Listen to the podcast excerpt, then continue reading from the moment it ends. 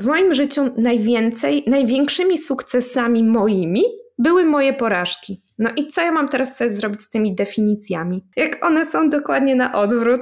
I musiało minąć bardzo wiele lat, żebym spojrzała na to z dystansem i no ja się ćwiczę w takiej radykalnej akceptacji i w tym, żeby Muszę. po prostu i żeby naprawdę sobie często mówić, a może to i lepiej. Może i dobrze, że tak to się wszystko potoczyło, bo jeszcze tego nie widzisz i jeszcze tego nie wiesz. I tak to może brzmieć dla kogoś jak po prostu wspaniała taka narracja frajerska, żeby sobie usprawiedliwić swoje, e, wiesz, niedobory. Tylko myślenie o sobie w innych kategoriach jest moim zdaniem szczuciem siebie same, samego. No i ja to sobie zresztą znam ten mechanizm na pamięć.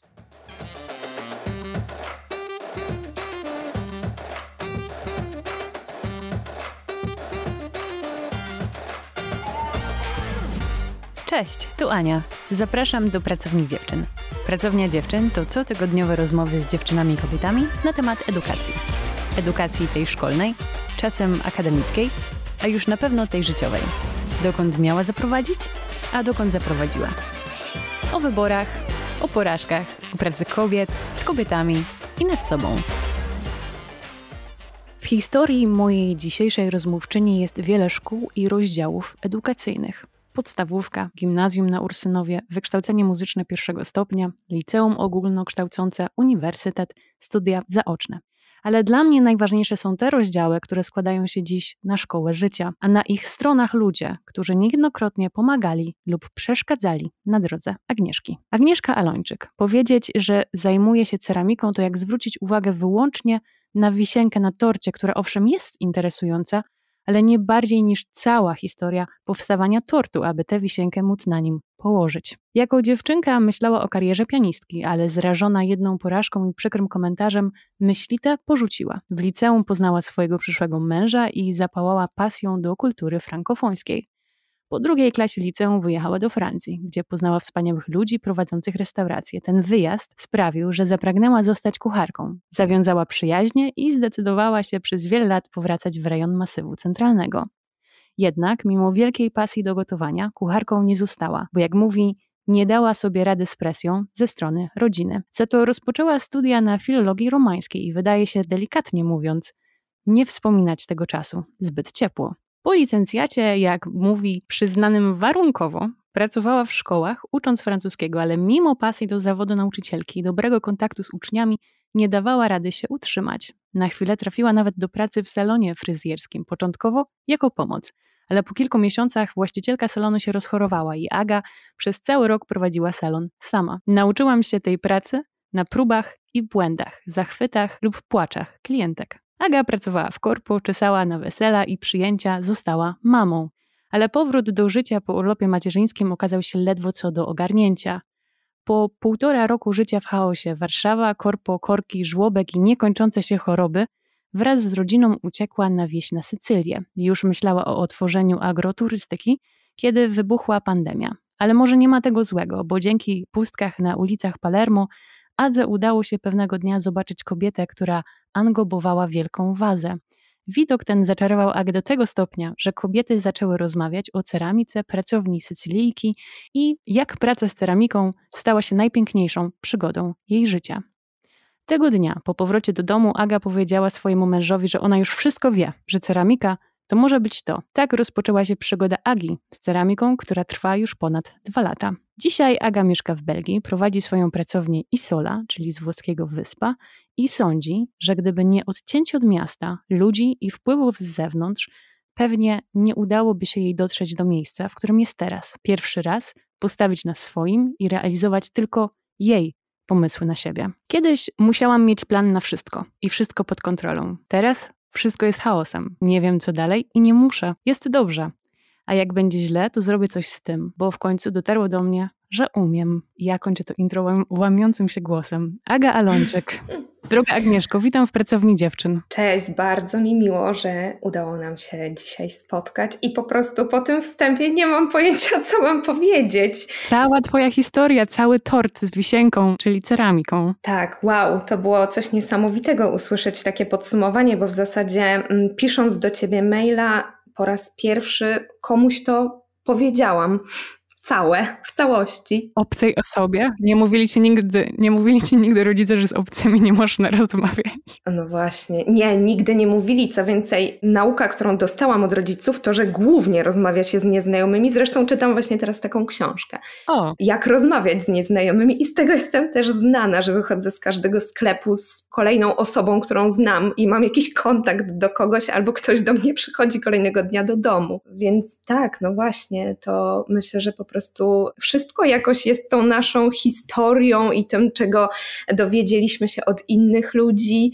i co przeżyliśmy. I, i właśnie, i tu jestem teraz z tobą. Mnie uderzyło, ja bardzo chciałam zakończyć, de facto zakończyć to intro tak jak ty zakończyłaś swojego maila, czyli tymi słowami w końcu dotarło do mnie, że umiem i to, to dla mnie było takie uderzenie. Faktycznie jakby to jest najważniejsze, po prostu dojście, bo z mojej perspektywy, dojście do tego, że umiem, cokolwiek by się nie działo, umiem. I co, nadal uważasz, po nie minęły tygodnie od tego maila, nadal uważasz, że umiesz? Tak i co więcej, to poczucie rośnie we mnie. Myślę, że całe życie byłam wychowywana i też w takim sensie rodzinnym i edukacji, którą dostawałam, też społecznej, jakby to, co umiemy, musi zostać potwierdzone w jakiś sposób dokumentem, dyplomem, że wszystko przede wszystkim, co zaczniemy robić, musi zostać odpowiednio zakończone i podbite po prostu jakąś pieczęcią złotą. I ten moment, kiedy zdałam sobie sprawę, że jest dla mnie w moim życiu dokładnie na odwrót, że najbardziej chcę się zajmować różnymi rzeczami i takimi, które po prostu przez nikogo nie zostały stwierdzone, że ja to umiem, tylko po prostu ja tak sądzę i to mi ma coś dawać, a nie ma mnie w jakiś sposób dookreślać poprzez, nie wiem, kolejne po prostu dokumenty, które to potwierdzają i generuję sobie taką teczkę jakąś mentalną na potwierdzenie moich kompetencji, podczas kiedy ja po prostu czuję, że je mam w środku. Nie potrzebuję tego zatwierdzać w żaden sposób urzędowo. No ale przez większość życia jednak, y, jednak robiłam to w ten nieintuicyjny dla mnie sposób. Także są to nowe uczucia, ale tak, dziś mogę powiedzieć, że umiem i każdego dnia coraz więcej. No super się tego słucha, ale też zaczęłam się zastanawiać, no bo jak ma się takie historie, typu tak w locie nauki na przykład fryzjerstwa, to wydaje mi się, że takie doświadczenia też chwieją naszą pewnością siebie, prawda? Chwieją, zwłaszcza, że z moich doświadczeń to wyglądało też tak, że ja przez całą pierwszą część dnia Pracowałam w szkole przez całą drugą, popołudniem aż do wieczora, pracowałam w salonie i zdarzyło mi się kilka sytuacji, kiedy obsługiwałam rodziców dzieci, które też uczyłam. I te sytuacje były trudne bardzo, i ten taki ostracyzm społeczny, że wykonuję jednocześnie zawód bardzo słabo opłacany, ale wysokiego pożytku społecznego, oraz ten drugi, który w zasadzie mam wrażenie, że jest otoczony jakąś taką opinią rezerwowego czy takiego ostatecznego, który się robi, kiedy się tej edukacji nie ma, to budziło po prostu ogromny w ludziach dyskomfort, z którym nie umieli sobie poradzić, więc oczywiście budziło to szereg kolejnych takich emocji, jak złość albo wręcz jakiś taki atak na mnie, że to jakoś o mnie świadczy źle, że ja łączę takie w ogóle z dwóch przestrzeni zawody. Ja od razu w takich momentach wchodzę w taki tryb muszę być silna, żeby się bronić przed tym, że jakby muszę udowadniać wokół ludziom i może też sobie, że jakby można takie rzeczy łączyć, że jakby to jest to, czym się teraz zajmuję, ze względu, nie wiem, czy finansowego, czy tego, że coś mnie po prostu interesuje i od razu wchodzę w taki tryb, że muszę to jakby chronić i bronić i takie strasznie pożerające to energię jest. Tak, bardzo pożerające energię i bardzo też to jest taki intuicyjny nasz niestety, znaczy niestety, no to jest w sumie ewolucyjne i robimy to po prostu um, od zarania dziejów w zasadzie jako ludzie, że po prostu reagujemy defensywnie. I ja rzeczywiście bardzo długo tak robiłam, ale mam wrażenie, że to też spowodowało, że ja zaprzestałam tej pracy jako fryzjerka, chociaż ją po prostu uwielbiałam. Zresztą no, zaprzestałam też pracy jako nauczycielka, mimo że ją też uwielbiałam, ale to natężenie właśnie ocen, które ten miks jakby w ludziach powodował, było dla mnie nie do wytrzymania. Też byłam bardzo młodą dziewczyną, miałam 20 lat, więc trudno mi było jednocześnie radzić sobie właśnie z tą jeszcze jak osoba wychodząca ze szkoły muzycznej to jest osoba, która cały czas jest na koncercie w sensie mentalnym, ciągle mm. jest mhm. tak naprawdę podporządkowana tej publiczności, oceną z zewnątrz i nie umie tego wyłączyć. Ja wciąż nie umiem tego wyłączyć. Czyli cały czas występ. Tak, cały czas występujesz, no i dostajesz nagle komunikat co ty w ogóle zrobiłaś, co ty sobie wymyśliłaś na to życie. Po prostu będziesz uczyć moje dzieci, które jeszcze dodatkowo ważne jest to, że to są, że to były dzieciaki z bardzo bogatych rodzin. To była prywatna placówka. I trudno było tym ludziom po prostu zauważyć, że taki styl życia może być na przykład edukacją dla ich dzieci, że one z tego również mogą wynieść interesującą lekcję, na przykład taką, że nie ma czegoś takiego jak szuflady, w które jesteśmy wrzuceni jakoś poprzez, nie wiem, czy wychowanie, czy edukację, czy role społeczne. I można się z tego naprawdę uwolnić i żyć po swojemu, i w dzień uczyć, a wieczorami czesać, i to jest zupełnie w porządku. No ale to, było, to nie było absolutnie tak widziane, więc wręcz trafiła nawet taka informacja do dyrekcji szkoły, że jedna z nauczycielek dorabia w salonie fryzjerskim. Przy czym rzeczywiście no, możemy jakoś tam próbować tuszować rzeczywistość, że to nie jest konieczne dorabiać w tym zawodzie, ale to jest podstawa, jeśli się chce funkcjonować. Nie da się z pensji takiej 1200 zł po prostu żyć. Ale to też jest ciekawe, jak y, parałaś się takimi zajęciami, czy wykonywałaś takie zawody, które właśnie ta pandemia, która też miała wpływ na to, co teraz robisz, zmieniła przynajmniej w części niektórych ludzi podejście do nich, prawda? Bo mhm. nagle się okazało, że, że szkoła nie, jakby uczy, tak, ale też zajmuje się tymi dziećmi, że nauczyciele to wykonują pracę pełną odpowiedzialności i że rodzice nie są w stanie tego zrobić pracując zdalnie z domu i jakby żonglować jeszcze tą zdalną edukacją. Ja pamiętam siebie, która po prostu no, tęskniła, żeby pójść do fryzjera, bo ja nie jestem w stanie sobie sama uciąć włosów, a wszystkie salony były pozamykane, prawda? Nie można za wszystkich oczywiście tutaj mówić, ale więcej takiego, takiej uwagi tym zawodom zaczęło się poświęcać. Tak, i wracając do Twojego pytania o umiejętności, rzeczywiście podczas pandemii zdałam sobie najmocniej sprawę z tego, że fakt, że przez ostatnie w sumie 12-13 lat pracowałam w bardzo wielu zawodach i nigdy nie ograniczałam się do jednego, do jednej profesji, spowodowało, że poczułam taką siłę, że okej, okay, jest bardzo trudno, wszystkim jest trudno, ale ja, ja nie będę musiała wychodzić poza strefę swojego komfortu, bo ja po prostu tyle razy poza nią byłam, że to jest dla mnie normalność znaczy nie lubię tego słowa normalność, ale coś, co znam bardzo dobrze i do czego mogę po prostu znowu wrócić i powiedzieć: O, to znowu się dzieje. Teraz przez chwilę będzie ci trudniej, ale zaraz znowu znajdziesz coś, albo wrócisz do, którego, do którejś z rzeczy, którą robiłaś, i to się ułoży. I te umiejętności, gdybym miała w, w jakiś sposób to podsumować, to tak naprawdę wszystko sprowadza się do jednej rzeczy: do takiego poczucia sprawczości, do tego, że nie muszę znaleźć pracy z jakiejś mojej konkretnej półki, bo ja nie mam półek. W ogóle po prostu przeskoczę gdzie indziej, pójdę pracować w barze. Nie mam w ogóle takich ograniczeń. I w takim sensie oceny społecznej, od której ja się bardzo staram uwalniać, no jestem osobą wykształconą, mam poziom magistra, Mam prawie 10 lat doświadczenia zawodowego jako rekruter w międzynarodowych firmach, ale jestem jeszcze fryzjerką, makijażystką, ceramiczką. E, teraz rysuję i maluję. Po prostu mam tyle rzeczy. Jestem kelnerką. I ja tym wszystkim się dalej czuję. I to, to jest naprawdę często na swoim Instagramie o tym piszę, że przypominam sobie umiejętności, które zdobyłam gdzie indziej, robiąc doniczkę albo talerz, że to jest to samo, to jest ten sam ruch, to jest ten sam rodzaj myślenia kreatywnego. A my bardzo, mam wrażenie, jako społeczeństwo, i to nie jest powiązane tylko z Polską, to jest po prostu globalna tendencja do tego, żeby siebie w jakiś sposób skategoryzować i to najlepiej wąsko. Ja tego nie lubię robić i staram się też dawać taką wolność mojej córce żeby mogła próbować wszystkiego. E, dobrze, że mówisz o swojej córce. Wiem, że ona chce być e, sekretarką, to znaczy gromadzić sekrety ludzi i sekrety tak. świata. Nie, nie odbierać telefony i odpisywać na maile i ogarniać biuro. Nie odebrałam jej tego i nie wytłumaczyłam jej prawdziwej definicji.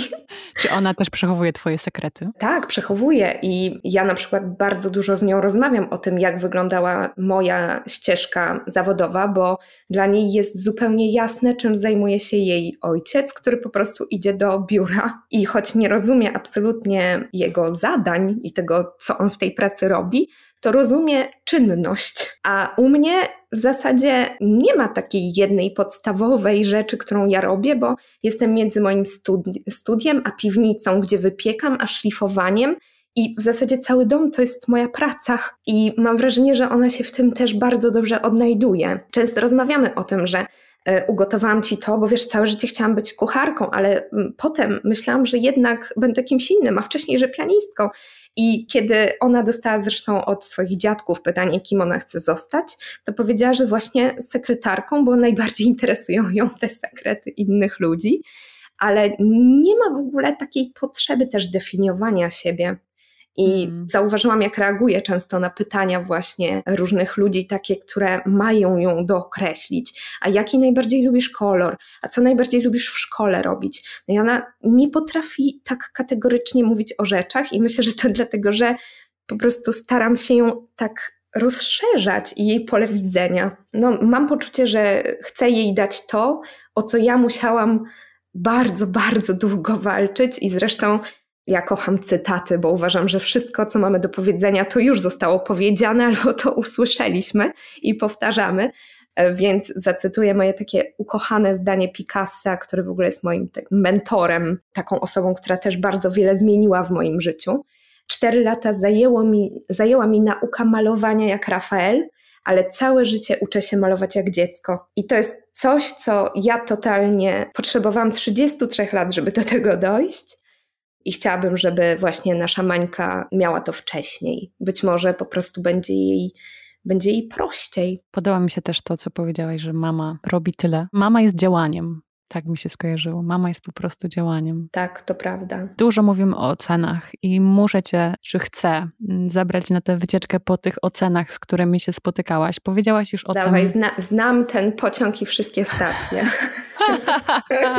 Wspaniale. No to pierwsza stacja może zacznijmy od w zasadzie takiej tej drugiej stacji, jeżeli chodzi o chronologię, czyli o tym, o byciu kucharką. Powiedziałaś, że, że coś sobie nie mogłaś poradzić właśnie z, z taką presją rodziny zabrakło właśnie takiej energii postawienia na swoim? Czy była jakaś taka, nie wiem, silna, silne jakieś skojarzenie z tą pracą, że, że to nie powinno być to dla ciebie? Długo tak właśnie myślałam, że to się nie wydarzyło dlatego, że to ja nie miałam siły na to, ale na szczęście teraz myślę o sobie czulej i uważam, że po prostu zabrakło mi do tego narzędzi. Nie miałam ich, nikt, nikt mi ich nie dał, więc potrzebowałam więcej lat, żeby wykształcić w sobie i cieszę się, że to w ogóle już się stało, bo, bo wiem, że niektórym zajmuje to też dużo więcej. Ja jestem w ogóle czwartym dzieckiem z pięciorga i pierwszym wychowanym w Polsce, w której można o czymś decydować e, na poziomie jednostki rodziny. I była ogromna presja na to, żebym była najlepsza, po pierwsze, po drugie, niedobra, najlepsza. I to chyba jest jasno wypowiedziane więc nie cieszyła piątka, nie cieszyła piątka z plusem. No i to robi dużo rzeczy człowiekowi. Nie będę wnikać jakby w te struktury psychiczne, natomiast to do, doprowadza do tego, że po prostu potem jako, jakaś taka konfrontacja z ewentualnymi komentarzami co do tego, jaką drogę się wybrało, no jest po prostu dla człowieka e, zakończeniem tego pójścia po swoje. No to jest, to jest koniec w tym momencie. Taki, taka osoba się poddaje. Więc oczywiście nie poszłam po to, tylko poszłam na studia, na które w ogóle nie chciałam iść. Nie miałam takiego pomysłu na siebie, że chociaż zawsze miałam szóstki, czerwone paski, to że to jest moja ścieżka. Moją ścieżką było robienie rzeczy moimi dłońmi i robiłam to od urodzenia po prostu. Ale to w sobie jakby, no znowu przyjmuję tą, tą taką winę na siebie. No to po prostu mi było robiono, robion, robione. E, byłam pozbawiana możliwości e, takiego kształcenia się w tą stronę, no miałam przynieść ten, tego magistra.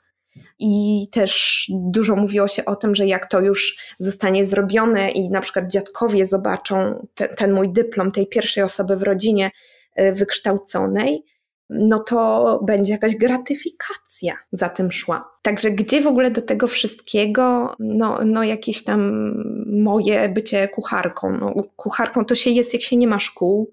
Wiadomo, każ, każdy od razu ma skojarzenia pewnie z tym rodzajem fachu. No więc zabi, zabiłam wtedy to. No ale takim szefem kuchni, prawda, w restauracji, to, to już inaczej na, na ten temat myślimy. Wydaje mi się, że teraz te zawody takie właśnie, w których wykorzystujemy ręce, w sensie rzemiosło, też właśnie bycie kucharzem, kucharką, teraz mi się wydaje, że jest więcej takiego szacunku wobec ktoś jest kucharzem gdzieś w restauracji, nie? Czy kucharką gdzieś w restauracji. Myślę, że tak, myślę, że to się bardzo zmieniło, ale nadal na przykład jak rozmawiam z moim rodzeństwem, które ma już dorosłe dzieci, idące za chwilę na studia, to przeraża ich wizja, że nie będą edukowane w sensie właśnie wyżej, że na przykład część z nich chce zakończyć na etapie liceum i pójść swoimi ścieżkami, po prostu uczyć się tatuażu, malować. I jest to też dla mnie zaskakujące, że w zasadzie oni stoją przed tymi samymi dylematami, przed którymi stałam ja, i oni mają tą już siłę tego kolejnego pokolenia, żeby powiedzieć: Stop, ja rozumiem, co do mnie mówicie, ale to jest o was a ja tego po prostu nie miałam, bo mainstreamowy tok rozumienia moich, nie wiem, i rodziców, i nauczycieli, i całego otoczenia był taki, że ponieważ jestem dobra we wszystkim, to powinnam iść tam, gdzie idą najlepsi. I rozumiesz, to po prostu rozdzielanie ludzi na tych, którzy wygrali złote kalesony i nie. Ja byłam zawsze w tej pierwszej grupie, a w ogóle się tak nie czułam, nie chciałam tam iść. No ale poszłam, sprawdziłam, okej, okay. też nie ma co w zasadzie traktować tego jako krzywda, to jest pewnie nie byłabym tam, gdzie dziś i te na przykład doświadczenia z korporacji są mi również bardzo przydatne w dniu dzisiejszym, kiedy e, pracuję z dużymi na przykład firmami i z ich zamówieniami, więc to nie jest też tak, że te umiejętności są mi niepotrzebne tylko po prostu być może wtedy wykształciłabym sobie inne, bardziej adekwatne do tego, co chciałam. A jak, jak to było z marzeniem czy z myślami o byciu pianistką? Czy to był jeden z takich Twoich pierwszych pomysłów na zostanie kimś właśnie? Jak już trzeba było się tak klasyfikować przed rodziną i przed ciotkami? To w ogóle nie był mój pomysł. o nie! I ja w ogóle nie chciałam, nie chciałam iść tą ścieżką. Ja sobie nie wyobrażałam siebie w tej pracy. Mój obrazek, który mam z dzisiaj i czasami mi się to śni, to kiedy wszystkie dzieci są na podwórku, na Ursynowie, szczęśliwe i krzyczące Aga na całe podwórko, a moja mama zamyka okno i mówi tak, ale za godzinkę, bo jeszcze Moszkowski. Więc generalnie tak właśnie sobie wyobrażałam moje życie w tym zawodzie że jestem odcięta sama, co zresztą jest bardzo ciekawe. Ja dalej teraz pracuję sama. Wybrałam zawód, który głównie polega na tym, że jestem sama, ale on jest dla mnie wolnością, a nie tą, tą katorgą samotności i tego odseparowania od ludzi. No ale też wybrałaś go sama, nie? Prawda? Po raz pierwszy jakby stawiasz na swoim i to jest twój pomysł na siebie i i chyba idziesz z takim zgodnie z tym, co słyszysz w środku, prawda? Że to jest moje miejsce teraz. Tak, to na pewno, ale też myślę, że ogromne znaczenie ma to, że nie konotuję tego z żadną opresją. Natomiast dla mnie fortepian jest po prostu opresją.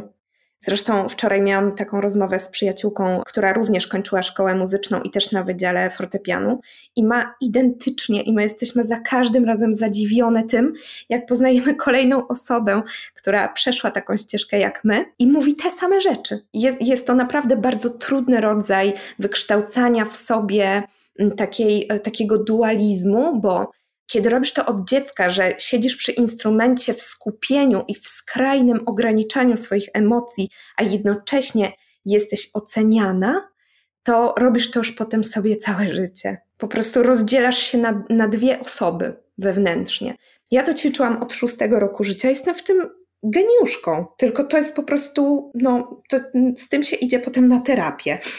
A co to za komentarz, który usłyszałaś? I porażka, która w ogóle, no, zastanawiam się, jak sobie, no, czy sobie ktokolwiek radzi z porażkami, kiedy właśnie jest w takich ryzach i ćwiczony do perfekcjonizmu. Co, co to za komentarz? Czy on w ogóle był adekwatny do, do sytuacji? Bo z jednej strony mówisz, że wykształcenie muzyczne pierwszy stopień, pierwszy stopień szóstka, czyli najwyższa ocena, i nagle okazuje się, że ktoś tobie mówi, że pff, no tak marnie z panią. Tak, no mm, to był taki kontekst, dlatego że mm, w szkołach muzycznych jest tak, że mm, nie, nie zdajesz w tym samym czasie egzaminów, co kończysz edukację ogólną.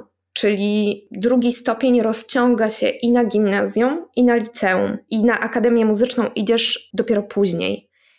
I w momencie, kiedy decydowałam po gimnazjum, co dalej, musiałam właśnie zdać do kolejnej szkoły, bo moja szkoła, która realizowała program muzyczny, już przestała mnie uczyć, bo zakończył się oficjalnie etap, a ja nie dokończyłam stopnia muzycznego. Więc zdawałam do szkoły muzycznej, żeby dokończyć te dwa lata, które mi zostały, i się tam nie dostałam. I komentarz ten, który wspominasz, e, był taki, że widocznie nie, by, nie jestem geniuszką, widocznie nie jestem wirtuoską, skoro mi się nie udało. Raz.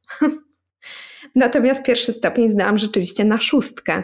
I to była bezstronna komisja, która mnie nie znała i widziała pierwszy raz w życiu, nie było tam moich nauczycieli. No, no i rzeczywiście, no, ja w ogóle siebie nie kwalifikowałam nigdy jako wirtuoski, tylko że zdałam sobie teraz sprawę jako dorosła osoba, że dokładnie na taką osobę mnie kształtowano. Ja nie miałam być pianistką, ja nie miałam być panią od muzyki, ja miałam być wirtuoską.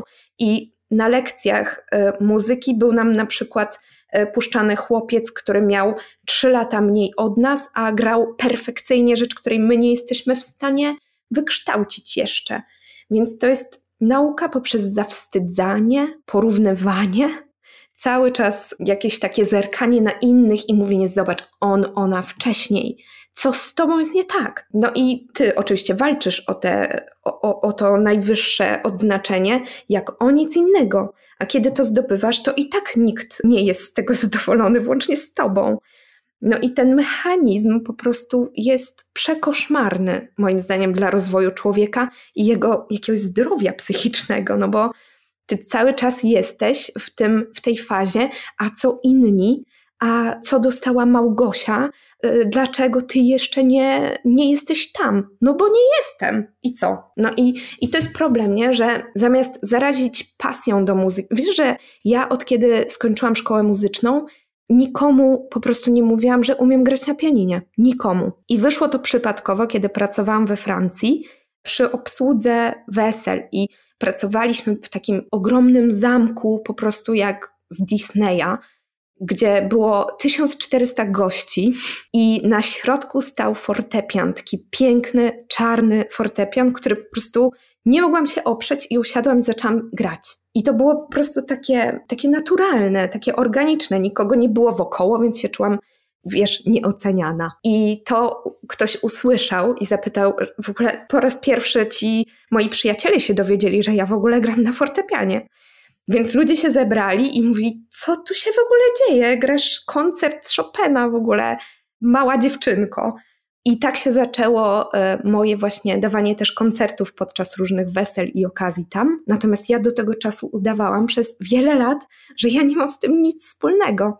To był pierwszy raz po sześciu latach, kiedy usiadłam do instrumentu bez traumy, bez spocenia rąk i stóp. Jak teraz sobie o tym myślę, to, to, to jest straszne. Gdyby to miało dotyczyć mojej córki. Te słowa niestety nie, chyba nie zdajemy sobie sprawy bardzo często, albo inni wokół nas nie zdają sobie absolutnie sprawy na, i na jak długo takie słowa w nas zostają. Myślę, że na zawsze i tym bardziej Później ucząc e, francuskiego w szkole, mm, bardzo na to zwracałam uwagę, co mówię i komu. Pamiętam też taki, taką historię Natalii de Barbar właśnie z jej książki Czuła Przewodniczka o tym, jak przez chwilę nie była widziana przez nauczyciela i jak to w niej zostało do, no, mm. po prostu do dziś, e, że, że ktoś po prostu udawał, że jej nie ma i jej nie wyczytywał na liście. Naprawdę rola edukatora to jest bardzo odpowiedzialna rola kiedy lepiej jest pewne rzeczy przemilczeć, niż je wypowiedzieć na głos, bo, bo po prostu to robi krzywdę. A poza tym nie wiemy tak naprawdę zbyt wiele o, o osobach, które mamy jakoś pod swoją pieczą. To jest tak, że oceniamy w kontekście, w jakiejś sytuacji przez pryzmat jakiegoś przedmiotu, ale to nie jest wszystko o tej osobie. Problemem jest to, że na dzieci się często patrzy nie jak na osoby, No, zawsze też, zawsze, zawsze interesowałam się sztuką bardzo. Natomiast coś, co dla mnie było trudne, to to, żeby pogodzić się z tym, że ja nie jestem z artystycznej rodziny. Mimo, że mój ojciec pracuje manualnie, bo od zawsze y, jest inżynierem budowlanym, więc od zawsze po prostu jeździłam z nim na te wszystkie budowy i kładłam płytki jako małe dziecko i tak dalej, to ja tego nie postrzegałam w kategoriach sztuki, ani nikt inny. Umówmy się, że to w ogóle nie jest tak odbierane. Więc no, moje jakieś tam bardzo wczesne achy i ochy do Picassa i do całej jego w ogóle historii tam z Geneviève Laporte i po prostu kochałam tą osobę. Czytałam wszystkie biografie na jego temat i oglądałam po prostu jako dziecko, pamiętam moi rodzice mieli taki wielki, taki wielki album Picassa, który wyciągałam z szafy, zawsze go owijałam materiałem, żeby on się nie niszczył i oglądałam zdjęcia, jak Picasso ze swoimi e, przyjaciółmi, tam z Jeanem Cocteau, z Eluardem, siedzieli w takiej pracowni ogromnej i palili papierosy. I ja już jako dziecko miałam to wyobrażenie, że ja tam jestem i ja też nalewam sobie to marne wino i po prostu z nimi e, porównuję pracę. Pamiętam, I puszczałam sobie do tego bolero Ravela wow. i to był taki mój rytuał, do którego wracałam jak do swojego takiego domu, ponieważ byłam zawsze takim dzieckiem, które było uznawane za bardzo wrażliwe, nadpłaczliwe, które wymaga więcej jakiejś takiej specjalnej troski. Teraz to się nazywa po prostu wysoką wrażliwością. To, to właśnie ja sobie tworzyłam swój taki bezpieczny pokój, do którego nikt nie miał dostępu, nikt tego nie rozumiał w ogóle, czym jest ta cała taka inscenizacja. Mhm. Więc e, były też we mnie zawsze takie wizje tego, że ja po prostu pracuję kreatywnie, no a potem one gdzieś zniknęły na długo. Powiedziałaś właśnie o tej roli nauczyciela, jak ona jest e, ważna i też, e, aby uważać na słowa, kiedy się ją wykonuje. A miałaś takie historie, spotkania z nauczycielami, które właśnie pozostały w tobie, ale po tej pozytywnej stronie. Tak, ale nie były to osoby z mojego, jakby z mojego toku szkolnego ani ze szkoły muzycznej, ani z, na żadnym etapie podstawówka, gimnazjum, liceum.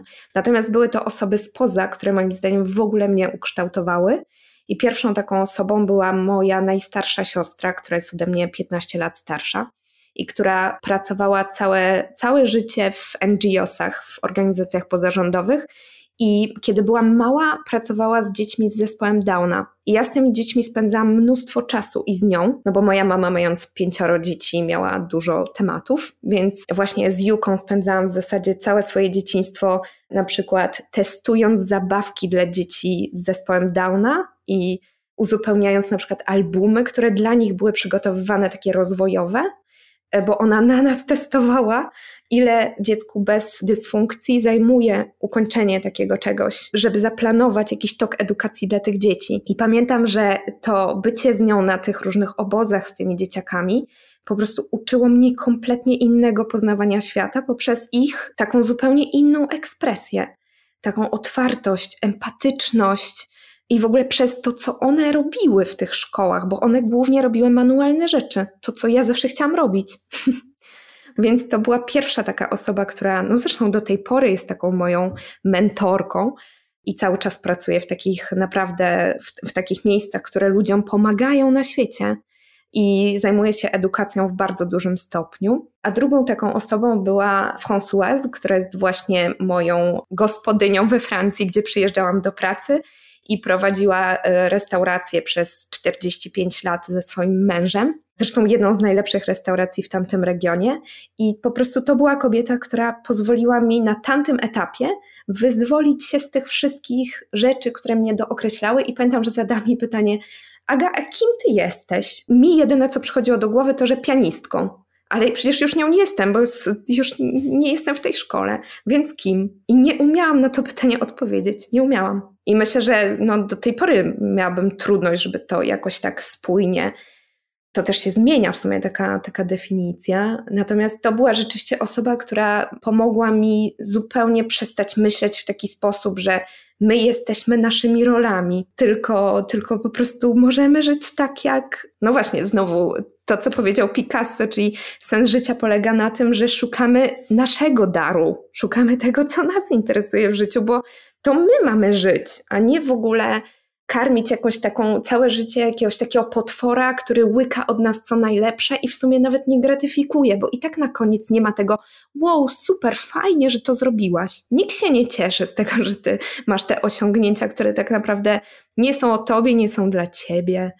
No więc to, to były takie dwie na pewno bardzo istotne kobiety i edukatorki, bo obie je widzę jako osoby, które naprawdę uczyły i nie tylko mnie życia, ale bardzo, bardzo wielu osobom pomogły jakoś znaleźć tą taką swoją drogę kobiecą. O, powiedz mi proszę w kilku słowach o tym spotkaniu kobiety w Palermo, tej Sycylijki, która, no, od której się zaczęła twoja teraźniejsza przygoda, czyli ceramika. Bo jak przeczytałam tę historię, że właśnie Palermo, pandemia, puste ulice, to tak mi się wydawało, jakby z jednej strony to, to musiało się wydarzyć, a z drugiej strony, jakby, jakby ta pandemia, tak, takie miałam, oczywiście może być mylne, bo to jest absolutnie tylko moje, moje jakieś wyobrażenie, że, że ta pandemia i ta pusta ulica, że to wyciszyło ciebie samą. Mimo tego, że powiedziałaś wcześniej, że przez takie chaosy już przeszłaś i przy, musiałaś się adaptować do różnych, czy, czy przyzwyczajać do, do zmienności, do, do po prostu najróżniejszych wydarzeń i jest ta elastyczność w tobie, że o, to jest kolejna rzecz, która się dzieje i za chwilę będzie, ogarnę to, ale za chwilę będzie spokój i, i wyjdę z tego i kolejna rzecz się wydarzy. Tak, to był dokładnie taki sam moment i to była właśnie sytuacja, kiedy na Sycylii rozpoczęła się pandemia. I to jeszcze był ten czas, kiedy y, ciągle dostawaliśmy informacje z Mediolanu, że zaraz to wszystko przyjdzie na południe i w ogóle trzeba się rozbierać z ubrań, jak się wraca z supermarketu y, i zakładać worek na głowę, żeby przez włosy nie przenieść koronawirusa, więc była ogromna panika i po prostu Sycylia była pusta, przestały działać w ogóle promy, więc w zasadzie wszyscy zamknęli się w swoich domach i tam siedzieli. I ja właśnie y, byłam wtedy w Palermo, w jakimś tam interesie, już nie pamiętam, coś załatwiałam, bo my mieszkaliśmy na wsi, więc y, po, po takie ważniejsze rzeczy trzeba było się udawać zawsze do miasta i to dalekie były wyprawy. I byłam sama z moją córką i szłyśmy ulicą, która była całkowicie pusta, a ja całą tą drogę myślałam o tym, że znowu wymyśliłam sobie, że na tej Sycylii zostanę, już to jakoś ułożyłam, że otworzymy jakąś agroturystykę. Zaczęło jakiś tam pomysł się e, krystalizować i znowu muszę wszystko zmienić, bo nie ma dla kogo tej agroturystyki e, w ogóle otwierać i po prostu e, ludzie zamykają biznesy. Wszyscy, którzy mieszkali na naszym wybrzeżu, powiedzieli, że po prostu wyjeżdżają i sprzedadzą te domy była po prostu całkowita panika. No więc ja po prostu całą tą drogę myślałam, co ja będę robiła. Znowu nie mam w ogóle żadnego pomysłu. Po prostu nie wiem, co nie wymyślę i jak tylko w jakiś sposób już sobie myślę, że, że osiągnęłam jakiś cel, no to właśnie znowu się okazuje, że nie ma żadnego celu, znowu jestem na drodze mhm. i kolejna baza i tak ciągle. I to to jest uczucie, które jest z jednej strony jasne, otwierające i takie, no właśnie out of the box, ale z drugiej strony jest po prostu stresujące. To męczy, Człowiek prawda? Nie może tak. To męczy. Tak, no, życie tak na dłuższą metę i ciągłe myślenie w ogóle, gdzie ty masz swoje rzeczy, i teraz, gdzie ty w ogóle dalej będziesz mieszkać, i że w ogóle jeszcze masz dziecko, które też za tobą wszędzie jeździ, więc miałam taki moment paniki i ten taki spacer pustym, pu, pustymi ulicami Palermo był po prostu przegnębiający. Palermo też wygląda smutno, jak nie ma tam tego ruchu. To jest bardzo zniszczone miasto i bardzo biedne, więc naprawdę ta cała wizja była taka jak z genialnej przyjaciółki Eleny Ferrante, jedna z moich w ogóle ukochanych książek. No i właśnie, i tak szłyśmy za rękę, i na środku ulicy siedziała kobieta z rozpuszczonymi włosami. Wyglądała po prostu, jakby ktoś ją wyjął z jakiegoś filmu. I właśnie miała przed sobą ogromną wazę, na którą nakładała angobę. Ja w ogóle nie miałam pojęcia, co to jest, co ona robi. Nigdy nie interesowałam się poza pracami właśnie Picasso, to w zasadzie nie wiedziałam e, kompletnie o co chodzi z ceramiką. No i przystanęłyśmy, właśnie moja Mania się zaczęła tam bardzo kręcić wokół tej pani i, i ja też jakiś nawiązałam z nią kontakt, zaczęłyśmy trochę rozmawiać, trochę po włosku, angielsku, francusku, polsku, już tam naprawdę nie wiem nawet jaki to był język w zasadzie. No i ona zaprosiła mnie do środka, do swojej pracowni, zaczęła mi pokazywać, jak żyje, jak pracuje, poczęstowała nas limoncello. I, znaczy mnie, no oczywiście nie moją córkę.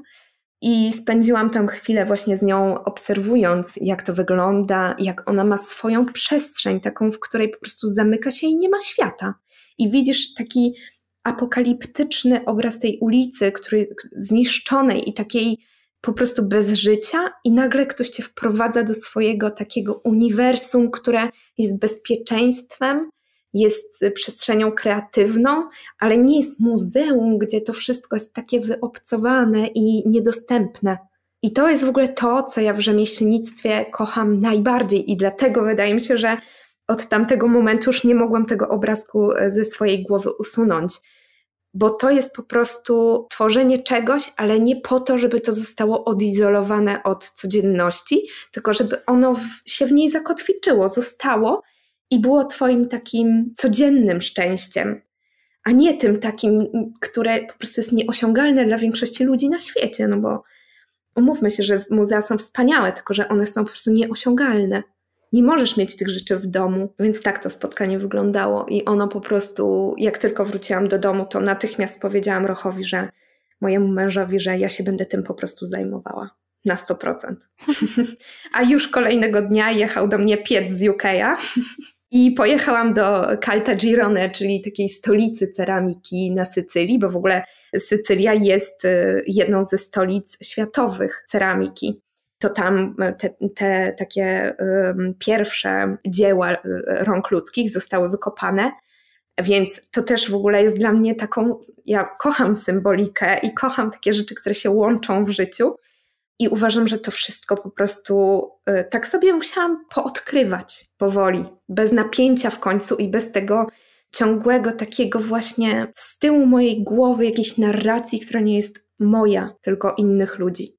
A dlatego właśnie firmę moją nazwałam Izola, czyli miejsce, które po prostu jest związane z izolacją, z, no bo w zasadzie ten pomysł powstał w trakcie pandemii, kiedy naprawdę miesiącami ja potrafiłam nie spotkać ani jednego człowieka, i dopiero to dało mi ten czas i przestrzeń, żeby zacząć się zajmować w życiu tym, czym chcę. Na, na tę chwilę, bo nie wiem, co będzie jutro. Jak ci jest teraz w tym biznesie, w tej przygodzie? Teraz jest mi i dobrze, i trudno, bo takie decyzje nigdy nie niosą, jakby nie są bez jakiegoś echa, więc to jest ogromny, e, ogromna zmiana. Ja poza wszystkimi swoimi zawodami dodatkowymi związanymi z manualnymi rzeczami, miałam jeszcze zawsze do tego etat.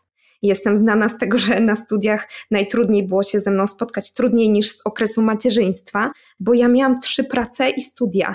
Jechałam z pracy do pracy.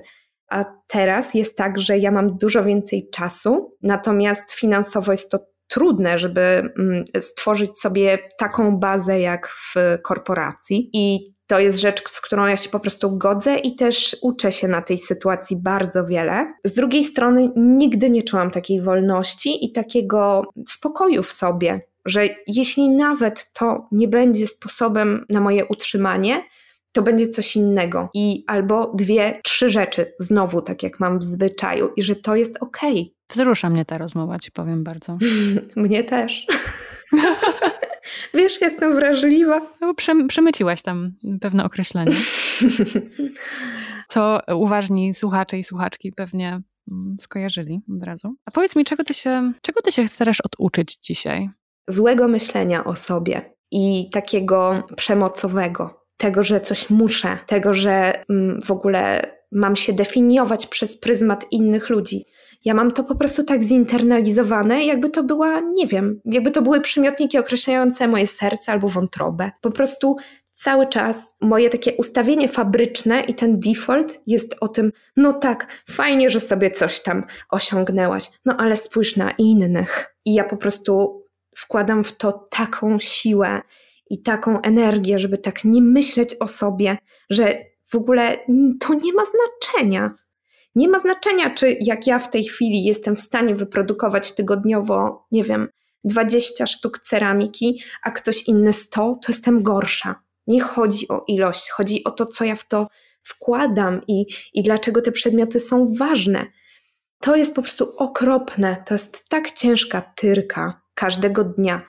I właśnie to, co podczas naszej nawet rozmowy wychwyciłam dwa razy, że już miałam tendencję do tego, żeby powiedzieć o sobie, że to przez siebie, przez swój brak siły. Bardzo jest mi bliska idea Tomasza Stawiszyńskiego, że nie jesteśmy odpowiedzialni za wszystko, wręcz za bardzo małą ilość rzeczy. I to, co nam się przytrafiało przez lata, to nie jest tak, że my sobie to wybraliśmy, że jesteśmy słabsi, My naprawdę na mało rzeczy mamy wpływ i po prostu rzeczy się dzieją, a my jakby jak z wiatrem za tym podążamy. I nie chcę już się siebie ciągle po prostu czepiać. Chcę po prostu żyć swoim życiem i jeżeli to będzie kosztem tego, że, że po prostu w tej, w tej e, wielkiej rozgrywce o złote kalesony ja przegram, to wspaniale. Jestem z tym ok. Na co by ci były takie złote kalesony w ogóle? No co ty byś z nimi zrobiła? Najlepsze jest to, że wiesz, ja nieraz, tak jak sobie teraz o tym myślę, no to wygrałam w tych zawodach. No i właśnie jakoś nic sobie z tym nie zrobiłam. Bo nawet kiedy mi się udawało najlepiej ze wszystkich, to nie dawało mi to żadnej satysfakcji. Ja zawsze w ogóle we wszystkich testach, ponieważ pracowałam jako rekruterka, no to mam przerobione te wszystkie testy psychologiczne, testy na najlepszego kandydata i po prostu z tego wszystkiego zawsze wynikało mi, kiedy robiłam to sobie, że ja jestem osobą, która chce się uczyć, czyli jestem tym zawsze trainee, jak to się tłumaczy. Praktykant Studentem. do uczenia, jakby hmm, stażysta? Stażystą właśnie, a nie ekspertem. Nie, nie, chcę, nie chcę w ogóle być w swoim życiu ekspertem, ekspertką. To nie jest rodzaj, czy też taka kategoria w pracy, która mnie interesuje. Ja chcę być ciągle w tej drodze i to jest dla mnie naprawdę najlepsze spełnienie, bo Widzę to też w tym, jak wygląda moja ścieżka takiego dochodzenia do mojego stylu w ceramice. Że kiedy już mi się wydaje, że coś jest docelowe, to mnie to przestaje interesować. I idę po kolejną rzecz, po kolejną technikę, po kolejne materiały, nową glinę. Ja po prostu jestem takim typem człowieka. I nie wiem, czemu to miałoby być gorsze niż ktoś, kto wiedział od dziecka, kim chce być. Ale tak, mi jakoś ktoś kiedyś wmówił, więcej niż raz w zasadzie, że to jest lepsze. Lepiej jest się zdefiniować od początku i być konsekwentnym. A jeżeli tego nie robisz, no to kogoś po prostu tym zawodzisz. Nie zgadzam się z tym. Mnie też przy, przypominają się jakieś takie słowa i moje historie, e, które mi się przydarzyły, słowa, które usłyszałam. Trochę mnie przeraziło to, że powiedziałaś właśnie o tych, o kolejnym pokoleniu, że to kolejne pokolenie, że to się nie zmienia, albo że często się nie zmienia, że, że są jeszcze te historie, kiedy kiedy, kiedy nowe pokolenie nie jest, y, no właśnie nie, nie, nie, nie, ma tej, tej świeżej, tej, tej, tej nowości. Właśnie mimo tego, że podejrzewam, że młodsze pokolenie zna się bardziej, zna siebie bardziej. Tak, ale na poziomie doświadczenia rzeczywiście moim zdaniem doznają podobnych rzeczy. Na poziomie samoświadomości i takiego niezgadzania się żeby to im było robione, moim zdaniem już jest trochę inaczej mhm. i umieją z tym mhm. sobie po prostu lepiej poradzić i nie wiem, jakoś tą, tą opinię, która, czy tam, nie wiem, taki rating wyłączyć w swojej głowie, bo moim zdaniem to jest właśnie o tym, o takim ciągłym ratingowaniu, jak w Black Mirror. Kiedyś był taki odcinek zbierania punktów. I to jest w zasadzie o tym, tylko jak zdasz sobie sprawę z tego, że okej, okay, fajnie, ktoś nauczył cię zbierać punkty, ale ktoś ci nie powiedział, ile masz ich zebrać, żeby coś zostało osiągnięte, no to to jest po prostu super nie fair. Więc wydaje mi się, że, że po prostu młodsze pokolenia ten rating wyłączają. Po prostu nie, nie biorą udziału w tych rozgrywkach. Mówiliśmy o tych złotych kalesonach. To w takiej czystej definicji. Czym dzisiaj jest dla ciebie twój sukces? Brakiem sukcesu. Po prostu ja się nie zgadzam z definicją w ogóle jakiegokolwiek sukcesu. Nie ma czegoś takiego jak sukces. Co to jest w ogóle? To jest jakaś taka kategoria opresji społecznej, to jest kategoria podziałów społecznych i dysocjacji społecznych. Jestem też po socjologii, więc mam trochę takich przemyśleń, które dotyczą więcej niż jednostki, poza tym, że bardzo interesuję się psychologią. I uważam, że wszystko, co tak naprawdę nam jest robione w tej e, w tym wyścigu, no to jest właśnie namawianie nas do wiary w sukces. A sukcesem może być równie dobrze to, że po prostu udało ci się dzisiaj wstać rano z łóżka, jak i to, że przyrządziłaś sobie pyszną kawę, bo wczoraj ci się nie udało i wypiłaś jeszcze ciepłą. Tu myślę, że wszystkie matki wiedzą dobrze o co chodzi. I, no i to są też sukcesy. No i, i co? A, a, po drugiej stronie sukcesy jest porażka, tak? Czyli albo doznajesz sukcesu, albo porażki. A tak naprawdę po prostu nie ma sukcesu, jest życie. Jest po prostu funkcjonowanie w czasem trudzie, czasem fajnych momentach, z różnymi emocjami, które też muszą się wydarzać. I kiedy coś, nie wiem, do czego dojdziemy, się powiedzie, no to to jest po prostu szczęście, a nie sukces. Ale wmawia nam się, albo mnie się, y, albo ja, ja mam po prostu takie wrażenie, że to we mnie jest tak bardzo mocno, że wszystko pomiędzy, albo nie ten sukces, tylko niżej, to jest przeciętność a przeciętność nie jest zła. Jakby ja teraz to widzę, bycie przeciętnym jest ok, bycie po prostu dobrym, bycie po prostu ok jest fajne. Nie trzeba robić czegoś wbrew sobie. Tak, ale też bardzo często zapominamy o tym, że mm, bycie kimś, kto jest na tapecie, ma gigantyczną, ciemną stronę mocy. Szczególnie jeszcze jak mówimy tutaj o mediach społecznościowych. Tak, ale bardzo często na przykład wydaje mi się, że to Karczuk kiedyś zwróciła uwagę na to, że co w sytuacji, czy kiedyś stawiałaś się w sytuacji, kiedy już dojdziesz do tego, o czym marzysz i czy ty to udźwigniesz? Wiesz co, to jest, to jest myśl, która towarzyszy mi od kilku tygodni. Dokładnie ta. I troszeczkę w temacie podcastu, ale też innych rzeczy, które robię, które może nie są tak widoczne przy tej mojej roli prowadzącej pracownię dziewczyn, że może to, co ma nadejść jak nadejdzie, to nadejdzie, a może to, że tego nie ma teraz, a mnie się wydaje, że coś bym chciała, to jest właśnie tego taki powód, że ja jeszcze nie jestem gotowa na to. Tak. I to jest moim zdaniem takie organiczne dla człowieka tak myśleć, bez takiego napięcia na cel. Ja się w ogóle bardzo, bardzo silnie w sobie nie zgadzam z takim coachingowym podejściem do życia. Uważam, że wyznaczanie sobie takich celi jest głównie o tym, że stresujesz się, że do nich nie dojdziesz. No ale co, jak nie dojdziesz? No to skończy się Twoje życie? No, będzie perfekcyjnie trwało dalej, tylko w innej formie. W moim życiu najwięcej, największymi sukcesami moimi były moje porażki. No i co ja mam teraz sobie zrobić z tymi definicjami? Jak one są dokładnie na odwrót. I musiało minąć bardzo wiele lat, żebym spojrzała na to z dystansem i no ja się ćwiczę w takiej radykalnej akceptacji i w tym, żeby po prostu i żeby naprawdę sobie często mówić, a może to i lepiej. Może i dobrze, że tak to się wszystko potoczyło, bo jeszcze tego nie widzisz i jeszcze tego nie wiesz. I tak to może brzmieć dla kogoś jak po prostu wspaniała taka narracja frajerska, żeby sobie usprawiedliwić swoje, e, wiesz, niedobory. Tylko myślenie o sobie w innych kategoriach jest moim zdaniem szczuciem siebie same, samego. No i ja to sobie zresztą znam ten mechanizm na pamięć. Ja też e, przez kilka ostatnich dni tak sobie myślę o tym, że jeżeli coś, jeżeli czegoś nie dostanę, jeżeli czegoś e, sobie na przykład nie, nie zapewnię, jeżeli coś nie przyjdzie, wiesz, nie, nie stanie na mojej drodze, chciałam to, nie, mija dzień, mija dwa i myślę, może to w pewnym sensie, może to dobrze, bo to w pewnym sensie byłaby coś, co cię dekoncentruje. W sensie, że, że to było coś pozornego. O rany, zapomniałam słowa, które jest tak ważne w tym kontekście, że to jest distraction. Po prostu mm -hmm, o to słowo tak. mi chodzi. Że ten projekt, który wydawał mi się, że chcę, że, że to mi gdzieś tam coś otworzy, że tu zrobię tak i albo to powinno przyjść na mojej drodze, bo to jest mi bardzo potrzebne i ja chcę to robić, po czym to nie dostaję tego i też zastanawiam się, czy tego tak naprawdę bardzo chciałam, czy to właśnie było odwrócenie mojej uwagi od czegoś. Mm. Czy moja próba własna odwrócenia mojej uwagi od czegoś innego, czym ja, czym należy się tak naprawdę zająć, albo czym chciałabym tak bardzo w środku się zająć, ale się boję. No, najczęściej jest to odwrócenie właśnie uwagi od tego, czego chcesz, bo to jest bardzo trudne. To jest tak. Ja robiłam to wiele razy w życiu i wiem, ile to kosztuje. Dlatego to nie jest tak, że jakąś polecam taką ścieżkę.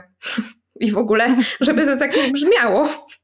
Ja po prostu sądzę, że nie umiem inaczej funkcjonować niż y, dokonywać zmian, kiedy czuję w środku, że po prostu to jest teraz dobry na to czas i konieczny. I, na, I to ma swoje etapy. Mogłabym rozpisać krzywą swojego po prostu trudu, który wtedy mi uczestniczy, więc w ogóle się nie dziwię, że czasem prościej jest to w sobie stłamsić i znaczy prościej krótkoterminowo, bo na, dłuższą, na dłuższy e, jakiś tam okres czasu to ma fatalne skutki i moim tak. zdaniem i tak to wyjdzie ale przynajmniej w tej chwili, kiedy tego wyboru decydujesz, zmieniam czy nie zmieniam, bo mnie but uwiera, no to ile ludzi chodzi dalej, ile razy ja szłam dalej w tych butach z krwią już napięcie, ale idę do celu, koniec. Tak wyglądały całe moje studia na romanistyce.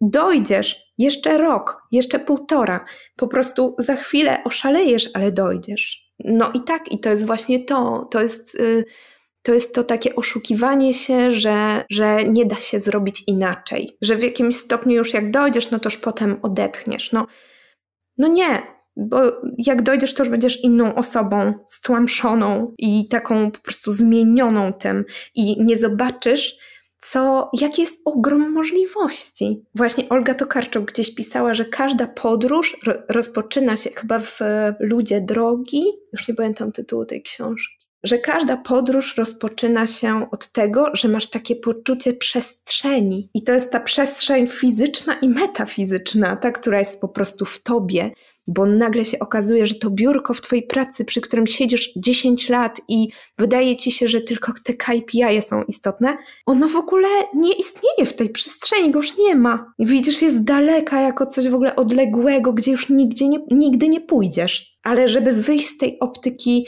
ta sytuacja to jest wszystko, co mogę mieć, trzeba zrobić straszną charówę. Bardzo trudną i naprawdę pełną takich momentów, że chcesz zawrócić i jednak z powrotem usiąść do tego biurka i powiedzieć: Nie, ja żartowałam, wyszłam tylko do łazienki i już wróciłam. Wiesz co, ja nie mam doświadczenia pracy w korporacji takiej przy biurku. Linie lotnicze to trochę inna korporacja. tak, dająca więcej tej przestrzeni. tak, ale jesteś w mundurze też. Jakby, żeby tylko dać taki najprostszy przykład bycia w jakichś, ta, w jakichś takich ryzach. Natomiast wzruszasz mnie ogromnie i ja tu na serio ocieram łzy, po prostu jest chyba po raz pierwszy w historii pracowni dziewczyn, kiedy prowadząca jest rozłożona na łopatki. To matko. Ale tak bardzo się cieszę, że te słowa wybrzmiewają i brzmią teraz w tej pracowni, bo bardzo mnie pozwalasz poczuć się mniej na takiej wyspie. Co jest dość ciekawe w związku z tym, jaką prowadzę działalność. No właśnie, użyłam takiego słowa. No, no ale chodzi mi o taką samotność, prawda? O to, że czasami siedzisz, czasami ja siedzę w domu i myślę, że jestem z tym sama. I ja tak mam. I tylko ja tak mam. A to odwrócenie definicji, o których mówimy, te oceny, to budowanie się na nowo, ta radykalna samomiłość, zaopiekowanie się samą sobą i zmiana narracji, kurczę, to jest bardzo potrzebne, żeby o tym mówić. Jest bardzo potrzebne i to jest, y, ma, mam wrażenie, że wiesz, dużo teraz o tym też jest. No, ja po prostu karmię się taką ilością treści, które mnie wspierają i w ogóle jestem ogromną fanką rozmów kobiecych. Myślę sobie, że kiedyś w ogóle... Yy, jeszcze chciałabym coś takiego porobić w życiu, żeby po prostu jakoś spotykać się z nieznanymi mi kobietami, dzielić się tymi tymi wszystkimi naszymi przeżyciami. Wiesz, te, te wszystkie kręgi, te warsztaty, to jest wszystko o tym, jaką mamy potrzebę powiedzieć: Jezu, ty też? No, na maksa. Ciągle, ciągle słyszę takie odkrycia poprzez to, że ludzie, wiesz, wychodzą. Pandemia też to dała, że Wszyscy jakoś wyszli z tego swojego super złego samopoczucia z takim, taką nową energią do tego, żeby się dzielić tym, że nie jest dobrze. Często jednak, wiesz, ludzie mają tak, że koloryzują tak tą rzeczywistość i, mów, i wiesz, i no zresztą filtry na Instagramie i to wszystko, a pandemia trochę pozmieniała i jestem super, szczerze mówiąc, no wiem, że to jest też straszne doświadczenie, ale to jest pozytyw i znowu no, radykalna akceptacja. No, coś z tego też mamy społecznie. Myślę, że pandemia stała się w pewnym sensie takim dobrym otwieraczem do rozmowy, bo pojawiła się pewna podstawa, na której znaleźliśmy ten sam język i takie trochę przyzwolenie, żeby stwierdzić, że inni ludzie też tak mają i można o tym rozmawiać. Tak, i to nie jest wstyd jakiś po prostu, nie wiem, dysfunkcja nasza, to jest po prostu. Tak, to było tak globalne i tak kolektywne doświadczenie, hmm. i teraz oczywiście każdy ma inaczej, bo osoba, która mieszka na małym metrażu, przed dzieckiem i to wszystko musi się wydarzyć. Szkoła, praca, szkoła, praca, dom, odpoczynek, nie można wyjść do lasu na zewnątrz i tak dalej. To się wszystko odbywa w tym małym przestrzeni. To jest raz, ale też jest osoba, która uwielbiała chodzić na imprezy. Co drugi, co trzeci dzień w klubie, w pubie, bardzo społecznie i tak dalej. Ta osoba też musiała zmienić swoje przyzwyczajenia, swój styl życia i tak dalej. Także nie chodzi mi tutaj o żadne wartościowanie, mhm. ale na pewnym poziomie wszyscy przez to przechodziliśmy, więc w ogóle otworzenie się na tematy, jak sobie z tym radzisz, bo ja sobie radzę tak, albo sobie wcale nie radzę, to naprawdę jest coś, e, myślę, cennego. Tak. Dla mnie było to prostsze osobiście o tyle, że ja tą ucieczkę zrobiłam już wcześniej od rzeczywistości. Więc w zasadzie no, zam zamknęłam się na wyspie, żeby po prostu pobyć w końcu z dala od tych dystraktorów i od tych narracji innych ludzi, które zaczęły, znaczy, które całe życie mnie tak naprawdę definiowały. I w końcu sobie odpowiedzieć na to pytanie, Françoise, a kim ja jestem? Dlatego, kiedy to przyszło i kiedy to się zaczęło, to tak naprawdę to nie było tak, takim szokiem, Natomiast u ludzi, którzy, którzy żyli dalej tym samym takim życiem miejskim, pełnym, no wszyscy moi przyjaciele tak naprawdę i znajomi z Warszawy, e, z którymi się znam od 30 lat, mieli to samo, że przechodzili przez to, przez co ja przechodziłam wyjeżdżając na Sycylię. Mhm. Jakby próbując się w ogóle no, konfrontować z tą nową rzeczywistością. No i ja to miałam po prostu pół roku wcześniej, więc byłam na to w jakiś sposób przygotowana i, i taka już, o wiem, co teraz macie. To też takie w ogóle jak, jak jakiś rodzic, takie parentyzacyjne. Wiem, rozumiem, też tam byłam, ale dokładnie tak się czułam, bo ludzie, ludzie przechodzili te same etapy od frustracji po takie y, odkrywanie y, zwykłego życia, które jest w ogóle naprawdę wspaniałe, tylko nam ta cała po prostu taka kapitalistyczna nasza wizja tego, że my jesteśmy wystarczający tylko jak mamy kilkadziesiąt tysięcy followersów na Instagramie, to to już wystarczy, to jest enough. No to, to mhm. po prostu zaczęło nam odbierać jakość no tego, że po prostu jesteśmy w stanie usiąść i napić się kawy patrząc na drzewo. I to jest nienormalne.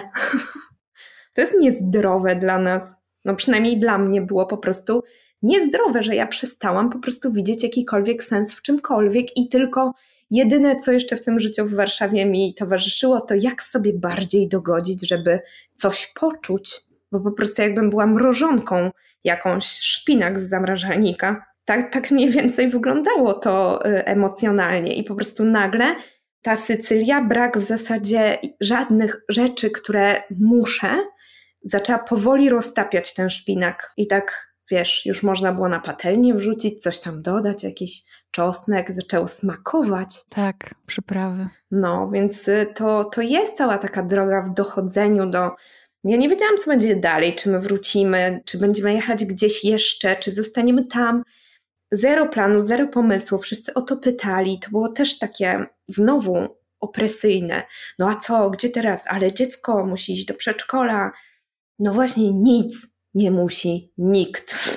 Trzeba sobie dać czas. Każdy w ogóle wielki umysł doszedł do tego, w czym jest wielki, dopiero jak sobie dał czas i jakiś w ogóle przestrzeń na to. Nie da się w ogóle dojść do tego, co się chce.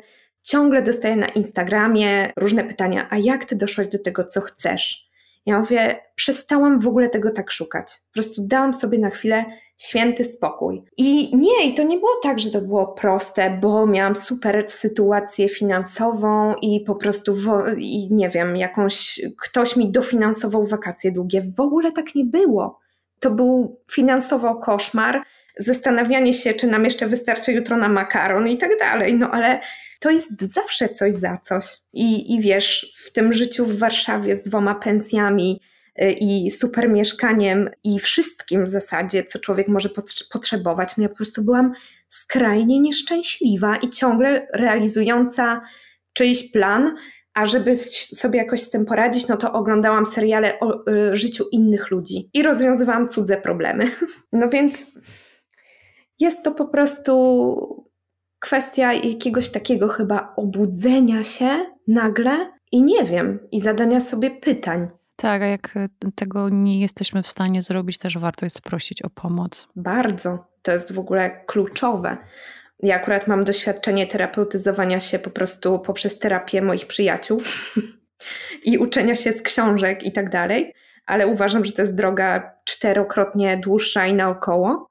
I z perspektywy czasu też żałuję, że, że po prostu wtedy nie poszłam do kości, nie powiedziałam: Słuchaj, jestem na skraju załamania. Ale nie trzeba być tam, prawda? Można powiedzieć: coś jest nie tak, albo coś sobie nie radza. Można dużo wcześniej. Można dużo wcześniej. No, u mnie to po prostu był plan ucieczka. I ja tak często funkcjonuję po prostu, że moje ciało mówi: uciekaj. No i to był już ostatni moment, tak naprawdę. Taki.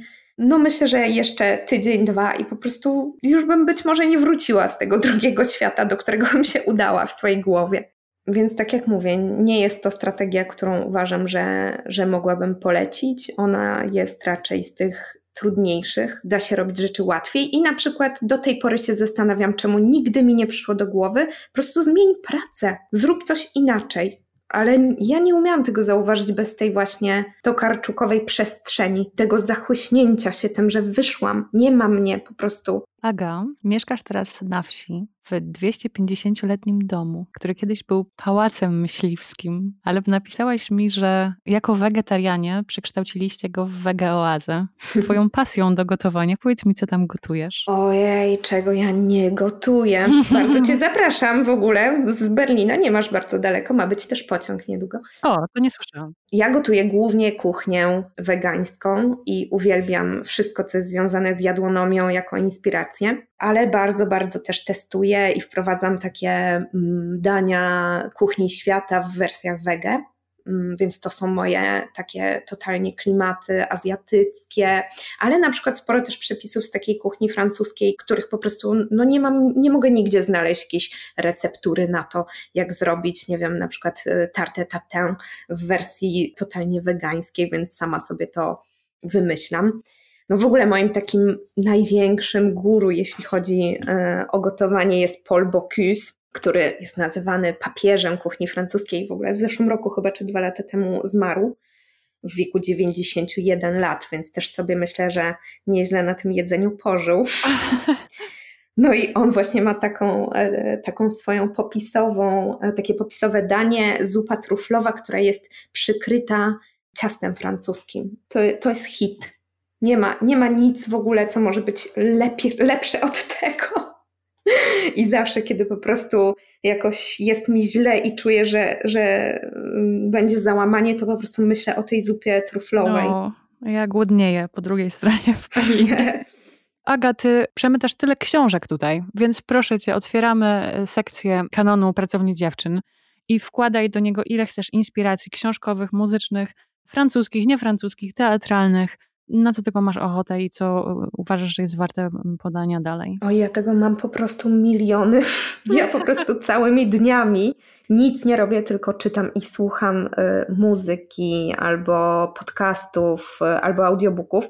Z książek na pewno z takiej sekcji rozrywkowej, bo uważam, że w ogóle w życiu też trzeba trochę czasami odpuścić i tak przestać się na wszystko napinać, żeby to było właśnie to, co ja, wiesz, miałam ciągle w szkole muzycznej, czyli albo grasz Chopina, albo w ogóle pff, kim, kim ty jesteś.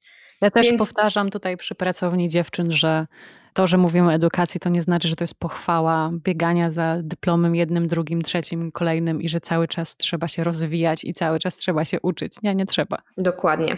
Więc jeśli chodzi o takie książki, które ja po prostu kocham do nich wracać i są pełne dla mnie inspiracji, to jest właśnie wspomniana już genialna przyjaciółka, wszystkie tomy Eleny Ferrante, ale są też to wszystkie książki Sally Rooney, najbardziej rozmowy z przyjaciółmi, chyba były dla mnie takie odkrywcze, ale też normalni ludzie, na podstawie których powstał serial bardzo głośny. I to są po prostu takie pozycje, do których naprawdę wracam i bardzo je, bardzo je lubię. Ostatnio ogromną moją inspiracją była Natalia de Barbaro, czuła przewodniczka i po prostu w tej książce czułam, że ojej, ona pisze o mnie, super, mhm. fajnie, to ja już nigdy nie wydam żadnej książki, bo po co? O nie, nie, nie można tak, nie ma monopolu, nawet jedna osoba nie ma monopolu. To prawda, ale po prostu czułam, że to jest wszystko, wszystko tak, jak powinno być i też książka, książka Nosowskiej, e, Powrót z bambuko. To jest druga po prostu pozycja, którą jak czytam, czy słucham jej, to po prostu czuję, że to są moje słowa. które mówiłam do innych ludzi. W bardzo bezpośredni sposób też napisana. Tak, bardzo, bardzo w ogóle ta książka ze mną zagrała i właśnie ten cały taki proces uwalniania się z więzów, z jakichś takich w ogóle defaultów, to jest bardzo mi bliskie.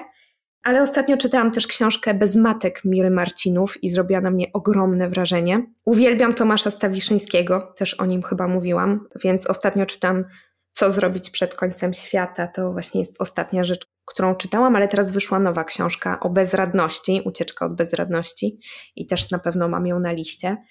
Kocham książki o Brukseli w ogóle, więc y, na przykład Grażyny Plebanek Bruksela albo Bruksela Noir, taki zbiór y, felietonów zupełnie inne w ogóle spojrzenie na to miasto. To felietony, felietony czy krótkie opowiadania? Takie opowiadania, wydaje, tak, tak. Bo to jest ta e, seria Noir, to jest w ogóle seria e, o wielu różnych miastach. Tak, ja też tak, czytałam tak, Beirut, Beirut Noir. Pięk, pięknie wydana, w ogóle też piękna selekcja tych opowiadań. Tak, i właśnie bardzo dużo mi to dało z perspektywy osoby, która tu przyjechała żyć żeby zrozumieć w ogóle takie konteksty też społeczne. I my patrzymy na Brukselę bardzo jako na taką stolicę administracyjną, egalitarną, uporządkowaną. I no właśnie dużo zaskoczeń przyniosła mi ta pozycja. Ja też patrzę na Brukselę jako foodie escape. tak, to prawda, że też ma taką, taką odsłonę. Ile tam jest wspaniałych miejsc i rzeczy do wypróbowania, do jedzenia picia, coś wspaniałego. E, ja polecam bardzo dzielnicę Merol, która po prostu jest cała takim doświadczeniem i to jest w zasadzie osobne miasto w mieście. Pełne galerii sztuki, takich miejsc, gdzie można po prostu wejść i zostać zaproszonym na kawę i zobaczyć pracę i pogadać. Ja uwielbiam takie w ogóle, no właśnie, rozmowy z obcymi. O, zataczamy koło. Zataczamy koło, zbliżamy się do końca. No właśnie, a jeśli chodzi jeszcze o inne rzeczy, no to z takich e, książek bliskich mi to Maureen Murdoch, Podróż bohaterki, wszystkie feministyczne pozycje, więc na przykład Świat bez kobiet Agnieszki Graf to nawet leży tutaj koło mnie. Jeszcze jej nie dokończyłam, ale też świetna książka. I Niewidzialne kobiety, którą mam w planach, ale cały czas odkładam bo po prostu boję się tej książki. Czytałam ją trochę na studiach, bo pisałam w ogóle pracę magisterską o nierównościach na rynku pracy ze względu na płeć. Ale właśnie y, czytałam fragmenty tej książki i pamiętam, że to były po prostu dla mnie traumatyczne chwile, więc kiedyś ją jeszcze przeczytam całą. Myślę, że to jest warta bardzo analizy pozycja. E, no i książka, która po prostu mnie ukształtowała w ogóle, to jest biografia Picassa, która została napisana przez, e, przez Gidela. Nie pamiętam, jak on miał na imię, ale mogę to odnaleźć. I właśnie biografia o Picassie jako osobie, która nie tylko jest artystą, ale też płaci za to ogromną cenę. I to jest dla mnie niesamowite, jak wolność w ogóle ma cenę, po prostu dużą społecznie. Chyba Henri, Henri Guidal? E, tak, bardzo możliwe. No. I to jest, to jest świetna książka, naprawdę. Czytam ją ze trzy razy i myślę, że jeszcze nie raz przeczytam, bo przypomina mi to po prostu o tym, że to jest, że wielkość to jest koszt. I czy warto? Aga Alończyk. Chciałabym, nie, nie chciałabym. Nie dodam nic więcej, żadnych innych słów, bo tyle słów już padło. Aga Alończyk, dziękuję. Dzięki. Moja babcia mówiła, że kiedyś przyjdzie taki moment, że wypowiemy już wszystkie słowa i się skończą. Nie, mam nadzieję, że będzie w przyszłym tygodniu odcinek, że jeszcze jakieś słowa zostały. No też na to liczę, bo co ja będę słuchała.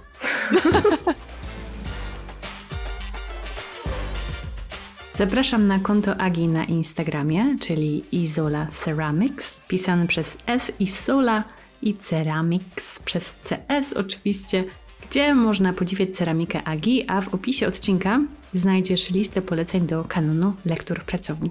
Dziękuję Ci za wysłuchanie tej rozmowy i zapraszam do podzielenia się nią z innymi, pocztą pantoflową czy w mediach społecznościowych. Jeśli jest to Twoje pierwsze spotkanie z tym podcastem, wiedz, że pracownia jest na Instagramie, Pracownia Dziewczyn Pod, ale jest też na Facebooku pod Pracownia Dziewczyn i na YouTubie. Zapraszam do subskrybowania pracowni i tam.